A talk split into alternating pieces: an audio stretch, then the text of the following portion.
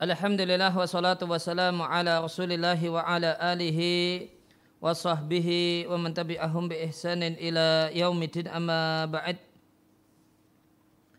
Kaum muslimin dan muslimah rahimani wa rahimakumullah Kembali kita lanjutkan membaca dan mentelaah buku Adabul Khidbati wa Zifafi fi Sunnah Al-Mutahharah karya Syekh Amr ibn Abdul Mun'im Salim.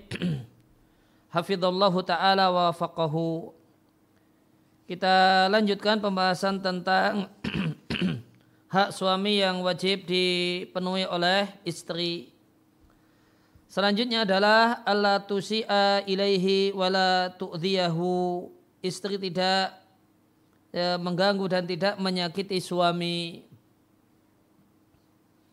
Eh, tidak sedikit kita jumpai ya, istri yang menyakiti suami dengan ya, dengan caci makinya, dengan omelan-omelannya, bahkan ya, terkadang juga dengan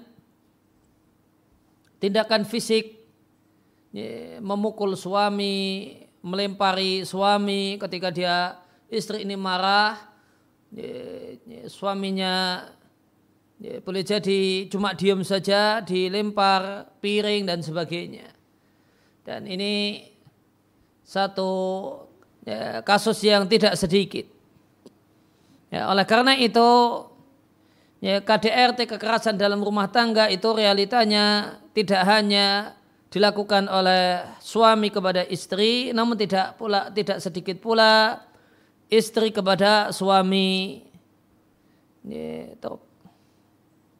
oleh karena itu di antara kewajiban istri kepada suami adalah tidak e, menyakiti dan tidak mengganggu suami dalam keadaan suami tidak bersalah dan atau tidak berhak mendapatkan perlakuan semacam itu.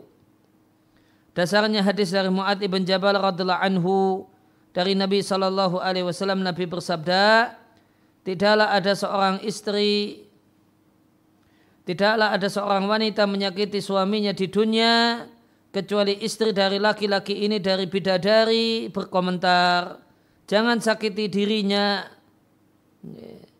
Qatalakillahu. Semoga Allah Subhanahu wa taala semoga Allah Subhanahu wa taala mana asalnya memerangimu. Semoga Allah Subhanahu wa taala membalas perbuatanmu fa inna huwa indaki dakhilun. Karena dia laki-laki tersebut bersamamu hanya dakhilun. Ya, masuk sementara waktu yushiku ayufarikoki ilaina. Segera saja lelaki tersebut akan meninggalkanmu dan bergabung dengan kami. Demikian adalah hadis yang diatkan oleh Ahmad At-Tirmidzi ya, Ibnu Majah dan yang lainnya dengan sanad yang hasan.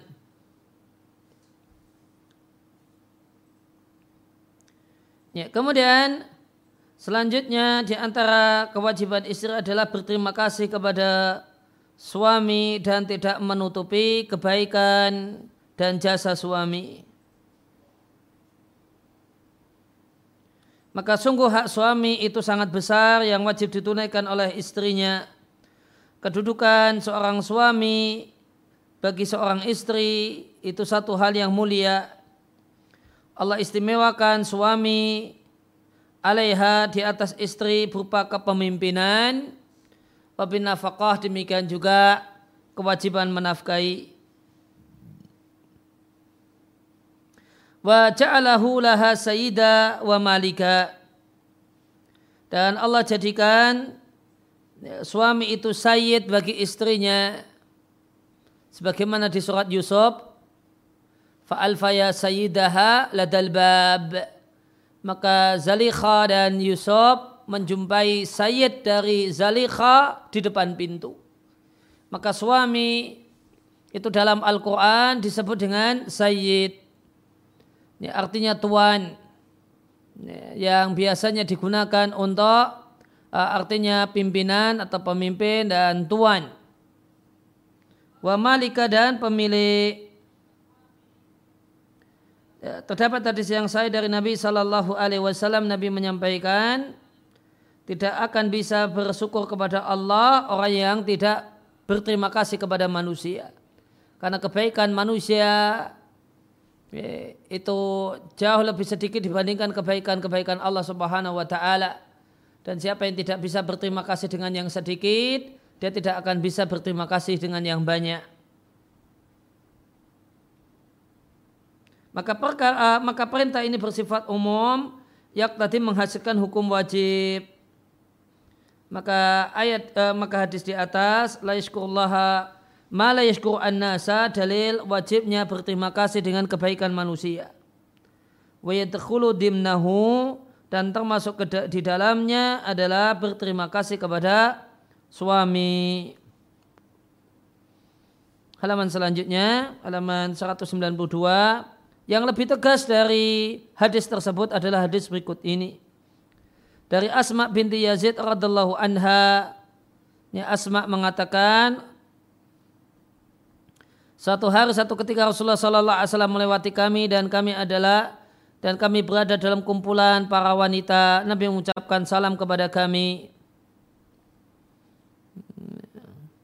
Wakal kemudian Nabi mengatakan, Iyakum bal kufral mun'imin Ia kunna wa kufral mun'imin. Wahai para wanita, waspadailah menutupi kebaikan orang-orang yang berjasa, orang-orang yang berperan, orang-orang yang punya kebaikan, orang-orang yang punya kontribusi dalam hidup kita.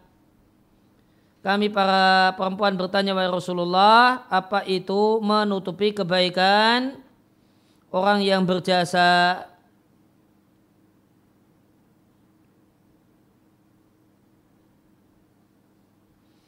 Maka Nabi Shallallahu Alaihi Wasallam kemudian menyampaikan, La'ala ihdakunna boleh jadi salah satu wanita itu lama kesendiriannya dan ketika dia sendiri belum punya pasangan hidup, dia berada di antara ya, ayah dan ibunya. Ya, dia, dia pun kemudian menjadi gadis tua. Lantas Allah Allah Azza wa Jalla memberikan rizki dan karunia kepadanya berupa suami. Dan dari suami ini Allah Subhanahu wa taala memberikan pada wanita ini harta dan keturunan. Maka pada satu ketika ada tindakan suami yang membuat dia jengkel, akhirnya fatar dobu al ghadbata. Dia marah dengan satu marah. Farahat maka mulailah wanita ini kemudian mengatakan ma ra'aitu minhu yauman khairan qattu. Ini.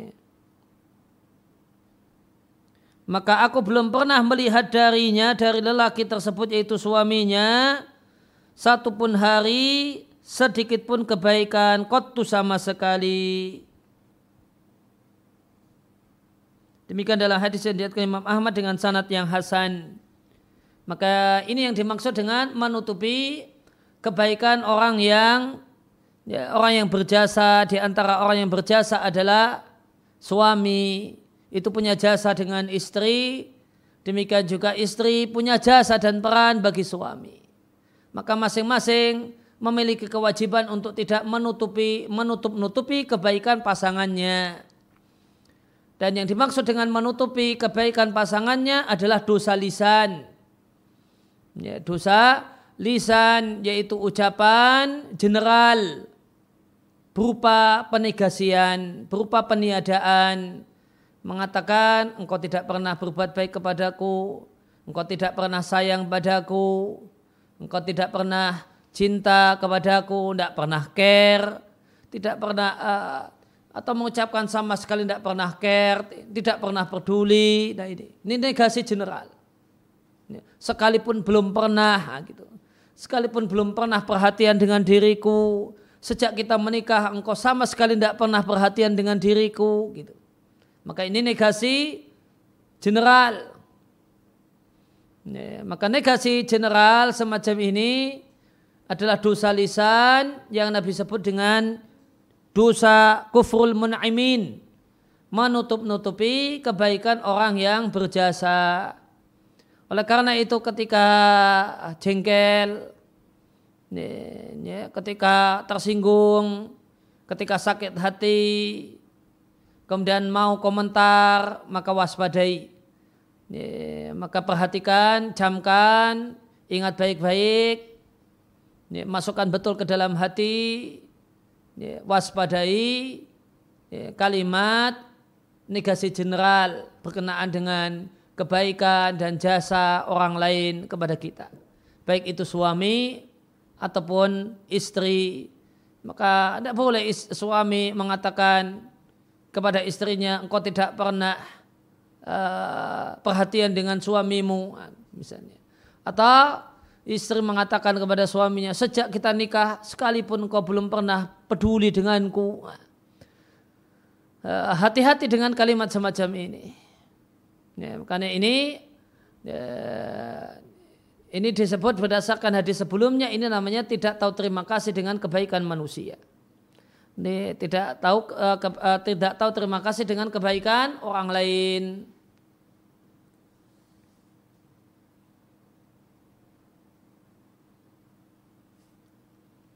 Nah, kemudian dari Abu Sa'id Al Khudri radhiallahu anhu dia mengatakan Rasulullah Shallallahu alaihi wasallam berangkat untuk sholat idul adha atau idul fitri ilal musola ke musola yaitu tanah lapang tempat sholat id. Kemudian setelah insarafa selesai sholat, Nabi memberikan nasihat kepada banyak orang dan Nabi perintahkan untuk bersedekah. Dan Nabi katakan ayuhanna suta soddaku.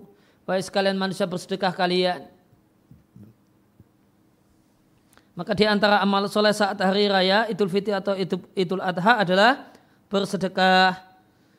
Ya, ini Nabi sampaikan di hadapan jamaah laki-laki famara ala nisa'i kemudian Nabi melewati dan menemui jamaah perempuan dan Nabi pun mengatakan ya maksara nisa'i tasaddaqna wahai para wanita bersedekahlah kalian fa ini ra'aitukunna aktsar ahli nari. Aku melihat kalian adalah mayoritas penghuni neraka. Maka hadis ini menunjukkan betapa pentingnya dan besarnya manfaat sedekah untuk mencegah dari masuk neraka. Karena Nabi memerintahkan ya, ya, manusia secara umum dan wanita secara khusus untuk bersedekah dengan alasan bahasanya mereka adalah ya, mayoritas penghuni neraka. Artinya cegahlah diri kalian dan selamatkanlah diri kalian dari Eh, dari neraka dengan bersedekah.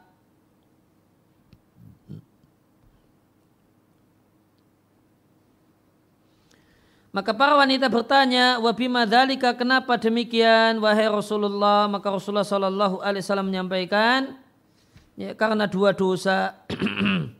Yang pertama tukthirna al-la'na. Karena wanita kecuali orang-orang yang Allah rahmati, Allah sayangi, itu hobi mencela, hobi mencaci.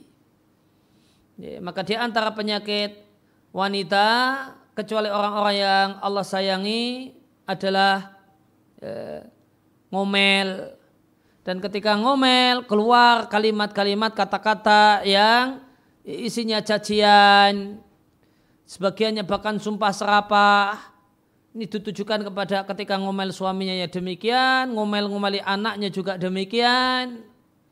Ngomel-ngomel dengan ya, ditujukan pada tetangganya juga demikian. Ya, maka suka mencela dan di sini eh, Nabi tidak disebutkan, Nabi tidak sebutkan mencela siapa. Jawabannya semua orang. Ya, dan biasanya orang yang jadi sasaran celaan adalah orang-orang di dekatnya ini celaan ya, dalam konteks omelan kepada suaminya, kepada anaknya, ya, kepada kerabatnya, kepada tetangganya dan seterusnya. Kemudian yang kedua sebabnya karena menutupi kebaikan suami al-ashir maknanya suami. Dan Nabi sebutkan dalam tanda kutip kehebatan perempuan, tidaklah aku lihat seorang satu sosok yang kurang akal, kurang agamanya, namun bisa menghilangkan akal seorang laki-laki yang teguh pendirian dibandingkan wanita, dibandingkan kalian, wahai para wanita.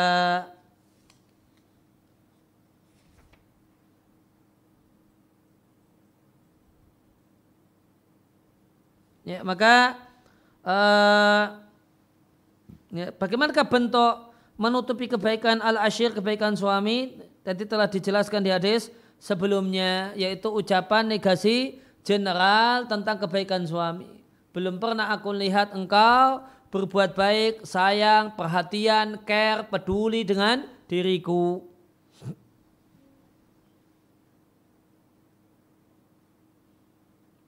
Kemudian halaman selanjutnya dari sahabat Abu Hurairah radhiallahu anhu, Sunnah Nabi Shallallahu alaihi wasallam yauman pada satu hari insarafa minas subahi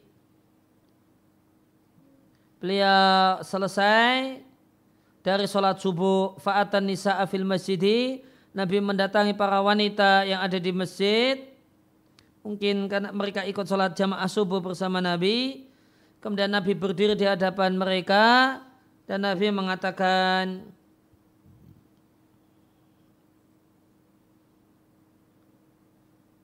Wahai para wanita, tidaklah aku melihat ya, suatu sosok yang kurang akalnya dan kurang sempurna agamanya, namun demikian hebat menghilangkan akal lelaki yang memiliki akal dibandingkan kalian.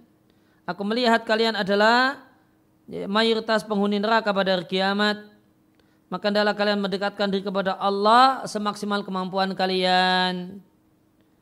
Ya, dan apa bentuk mendekatkan diri kepada Allah yang dimaksudkan dijelaskan di hadis yang lewat itu bersedekah.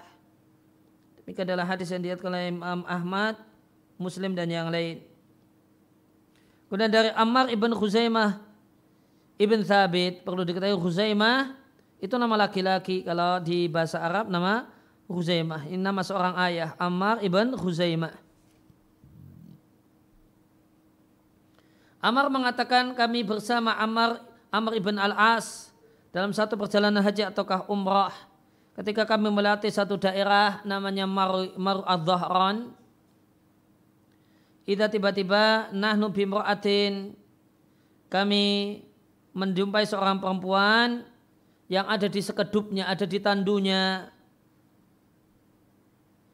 wadi'atan yadaha ala wajihiha dia letakkan tang, uh, tangannya pada wajahnya.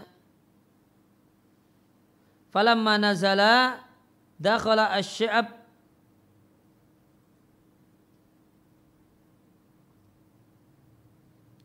Maka tatkala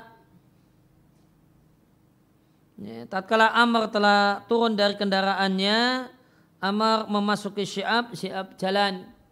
Ya, di di uh, di gunung nama ma'ahu dan kami pun masuk ke Syi'ab bersama Amr ibn al-As. Fakal lantas Amr mengatakan, Dulu kami pernah bersama Rasulullah Sallallahu Alaihi Wasallam di tempat ini. Faida maka tiba-tiba kami menjumpai banyak burung gagak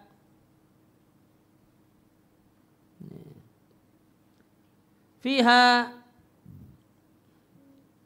dan di antara burung gagak tersebut terdapat ghurabun a'sam. Ada burung gagak yang ya, yang unik. Ya, yang paruhnya itu berwarna merah. Demikian juga kedua kakinya berwarna merah.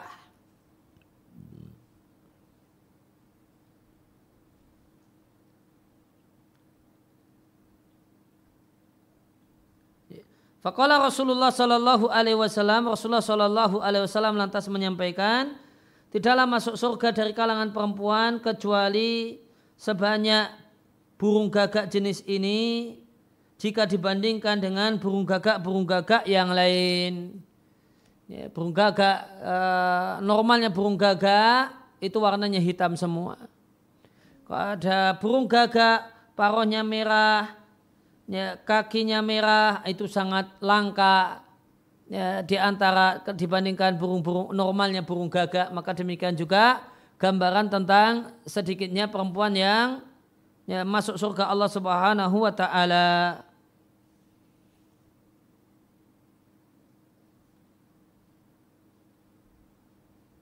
Demikian adalah hadis yang dilihat Imam Ahmad dan Anasai dalam Isratun Nisa, Isratun Nisa bisanadin sahihin dengan sanad yang sahih. Ya, maka penjelasan yang penting disampaikan oleh penulis dan tidaklah kami maksudkan dengan berterima kasih kepada suami semata-mata berterima kasih dengan lisan. Meskipun berterima kasih dengan lisan itu penting. Maka satu hal yang patut untuk dicek oleh masing-masing suami dan istri, ya, kapan terakhir mengatakan kepada suami terima kasih suamiku sambil mengecup pipinya. Ya, kapan terakhir seorang suami berkata kepada istrinya terima kasih wahai ya, sayangku sambil mengecup pipinya.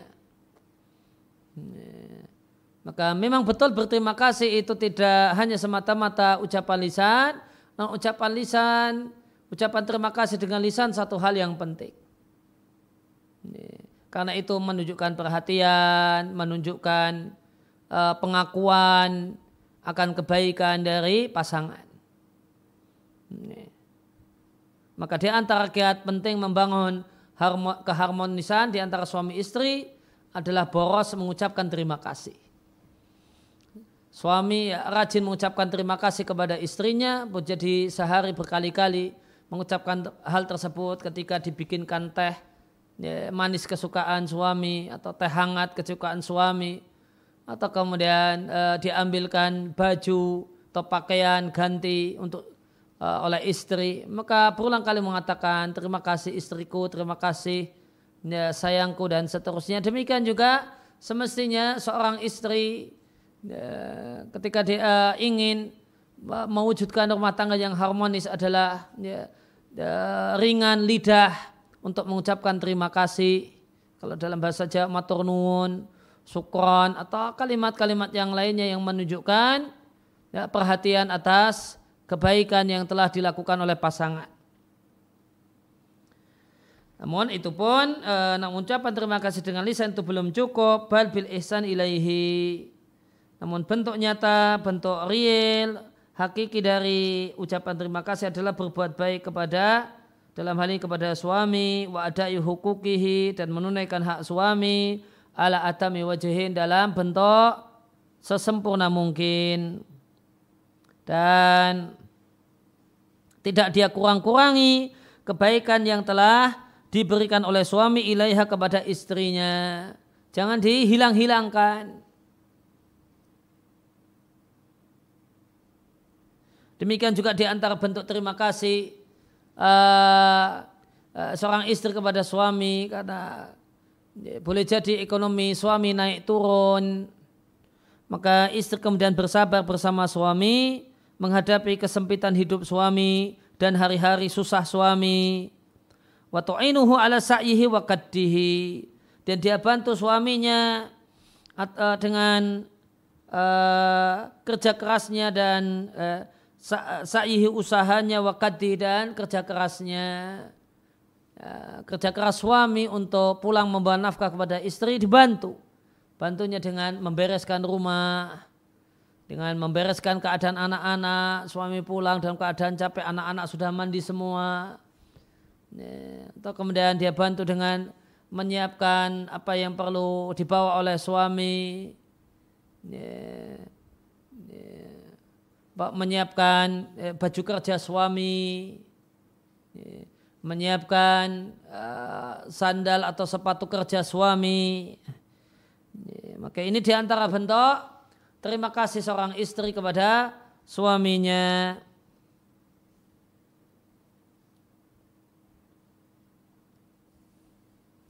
Kemudian selanjutnya di antara hak suami adalah haramnya istri meminta cerai dari suaminya fi ghairi mabaksin minhu tanpa alasan yang kuat.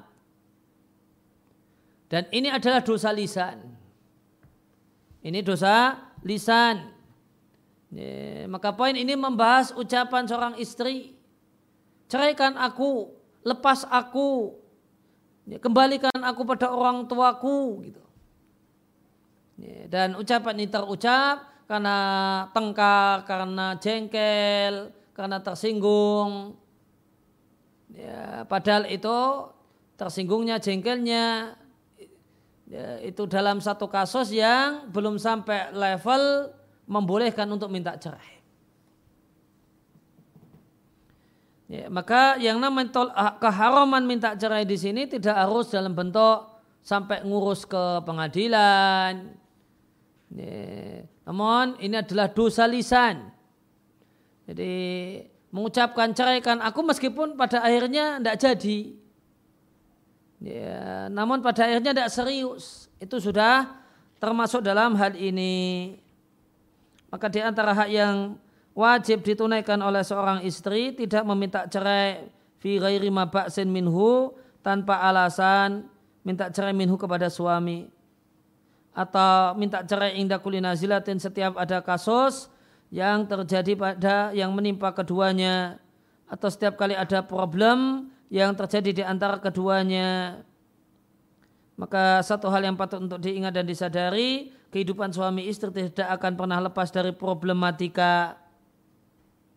Dan betul wanita itu difitrahkan mengedepankan atifah perasaan ya, sehingga karena itu disebut uh, kurang berakal.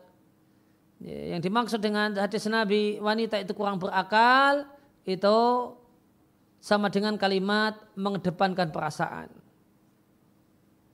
Maka ketika para wanita mengakui bahasanya mereka atau dirinya adalah orang yang modelnya mengedepankan perasaan itu artinya uh, membenarkan apa yang Nabi katakan bahasanya wanita itu kurang akalnya. Wamin sifatnya dan di antara sifat perempuan karena mengedepankan akal adalah atas sarok tergesa-gesa fil hukmi dalam memberikan fonis dan penilaian. Maka karakter banyak wanita kecuali orang-orang yang Allah rahmati itu buruk sangkanya besar, e, curiganya terlalu besar, sehingga tergesa-gesa dalam memberikan penilaian. Akhirnya minta cerai kepada suami tanpa sebab syar'i.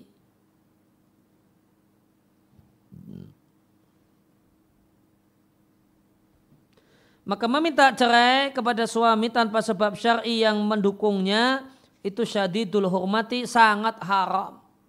Bukan hanya haram namun sangat haram.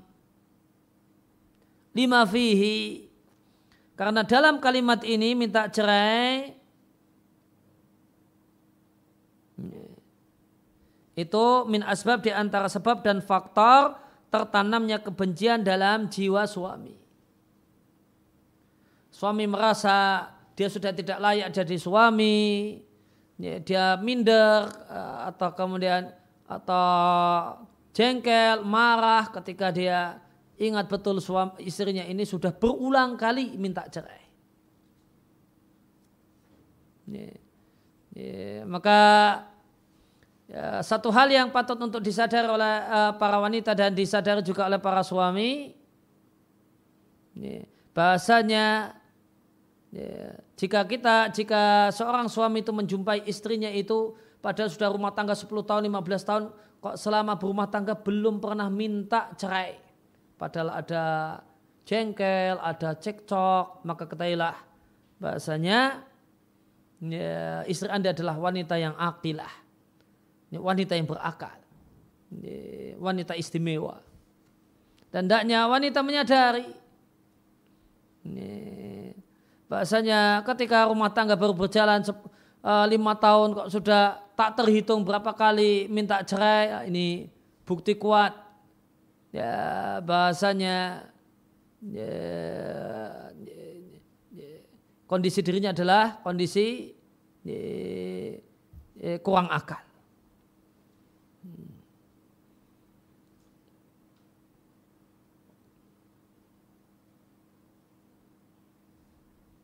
Dan di antara meskipun sebagiannya itu tidak serius. Sebagian perempuan itu minta cerai dan itu tidak serius. Nih. Nih, kalau memang serius ya kalau di bahasa kita maka ya, malam ini minta cerai ya besok pagi ngurus ke pengadilan ke PA ke pengadilan agama tapi enggak sebagiannya itu cuma luapan emosi Cuma kemudian pertimbangan sesaat, emosi sesaat. Ini namanya mengedepankan perasaan dan namanya uh, kurang akal. Ini namanya uh, dalam berdasarkan hadis ini namanya uh, kambuhnya bingkoknya seorang wanita. Dan ini uh, satu hal yang patut untuk disadari oleh para suami dan suami bisa uh, setelah kemudian menyadari hal ini kemudian bisa menyikapinya dengan dengan bijaksana.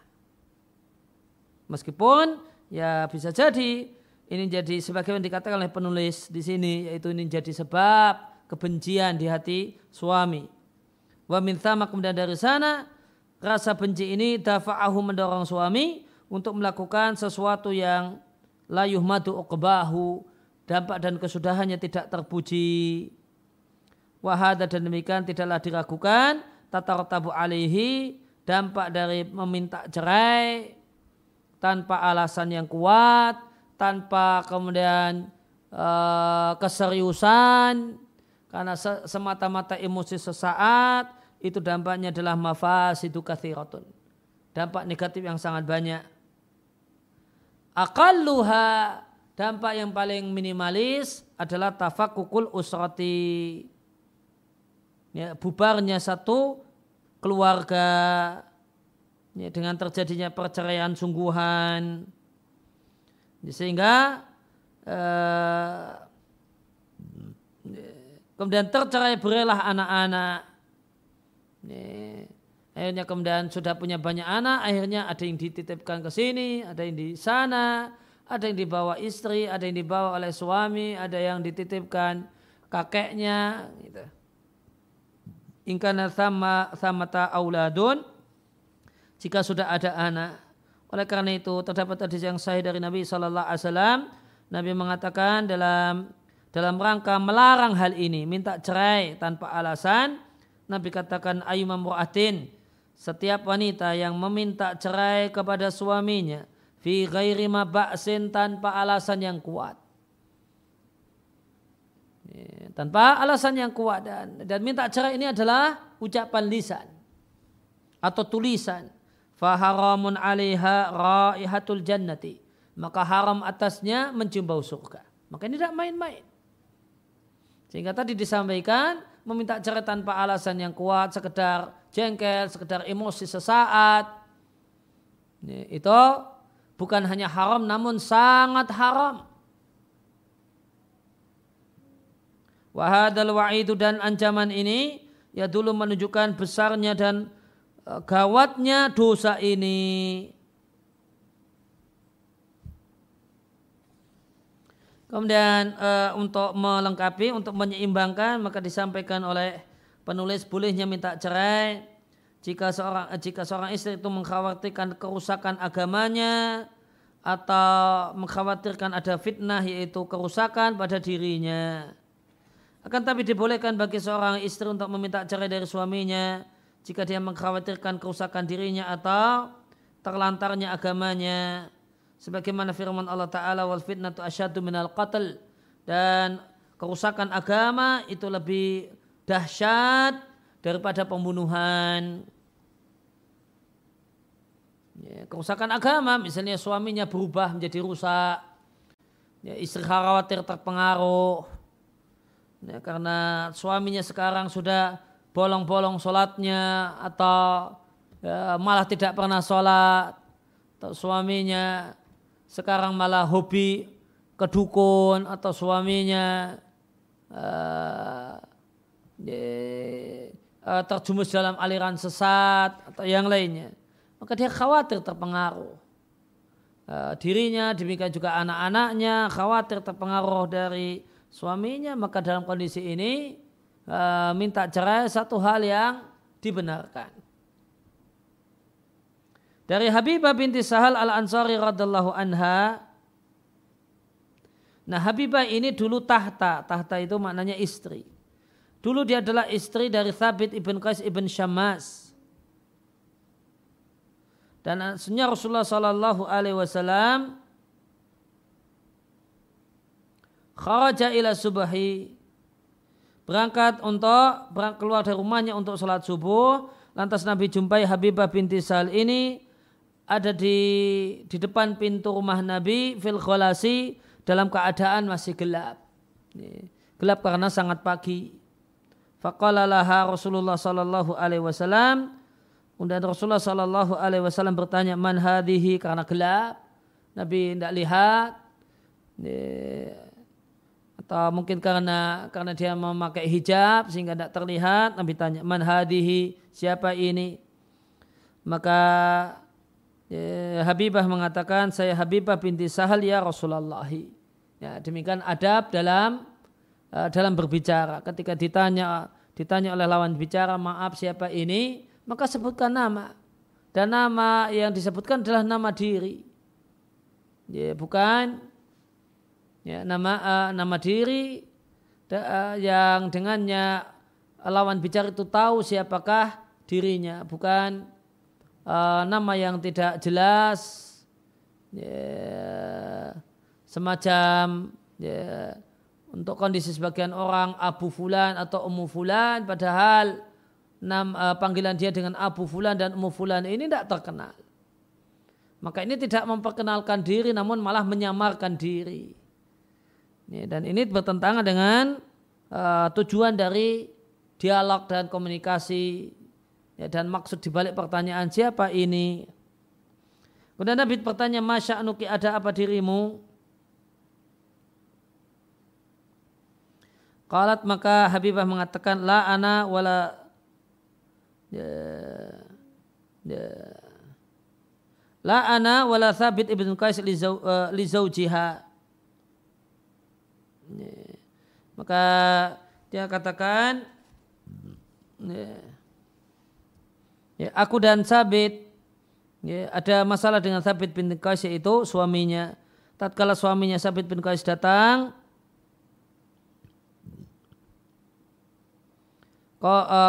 Qala lahu Rasulullah sallallahu alaihi wasallam Rasulullah sallallahu alaihi wasallam lantas berkata kepadanya ini Habibah binti Sahal telah menceritakan apa saja yang Allah kehendaki untuk dia ceritakan. Dia telah ngomong panjang lebar.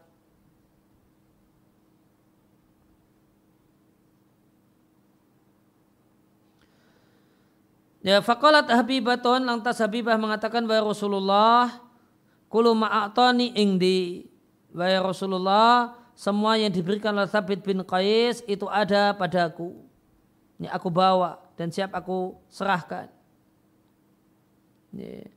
Rasulullah Shallallahu Alaihi Wasallam lantas berkata kepada Thabit bin Qais, khut minha, ambillah semua apa yang kau berikan, maka ini khulu. Kalau khulu itu suami menjatuhkan talak kepada istrinya, dalam keadaan istrinya memberikan kompensasi harta kepada suami. Dan di antara kompensasi hartanya adalah semua hadiah-hadiah suami. Mahar dan plus hadiah-hadiah suami. Fa'akhoda minha maka Thabit bin Qais mengambil darinya wa jalasat fi baiti ahliha. Ya, kemudian Habibah ini duduk menjalani masa iddah di rumah keluarganya. Maka kalau khulu begitu telah jatuh, itu sudah murni orang lain. Sehingga masa iddah tidak dijalani di rumah suami, namun di rumah keluarga istri. Demikian dikeluarkan oleh Malik dalam Muwatta, Ahmad, Abu Dawud, Nasai, Ibnu Jarud dalam Muntaka, uh, Baihaqi dalam Sunanul Kubra dengan sanad yang sahih.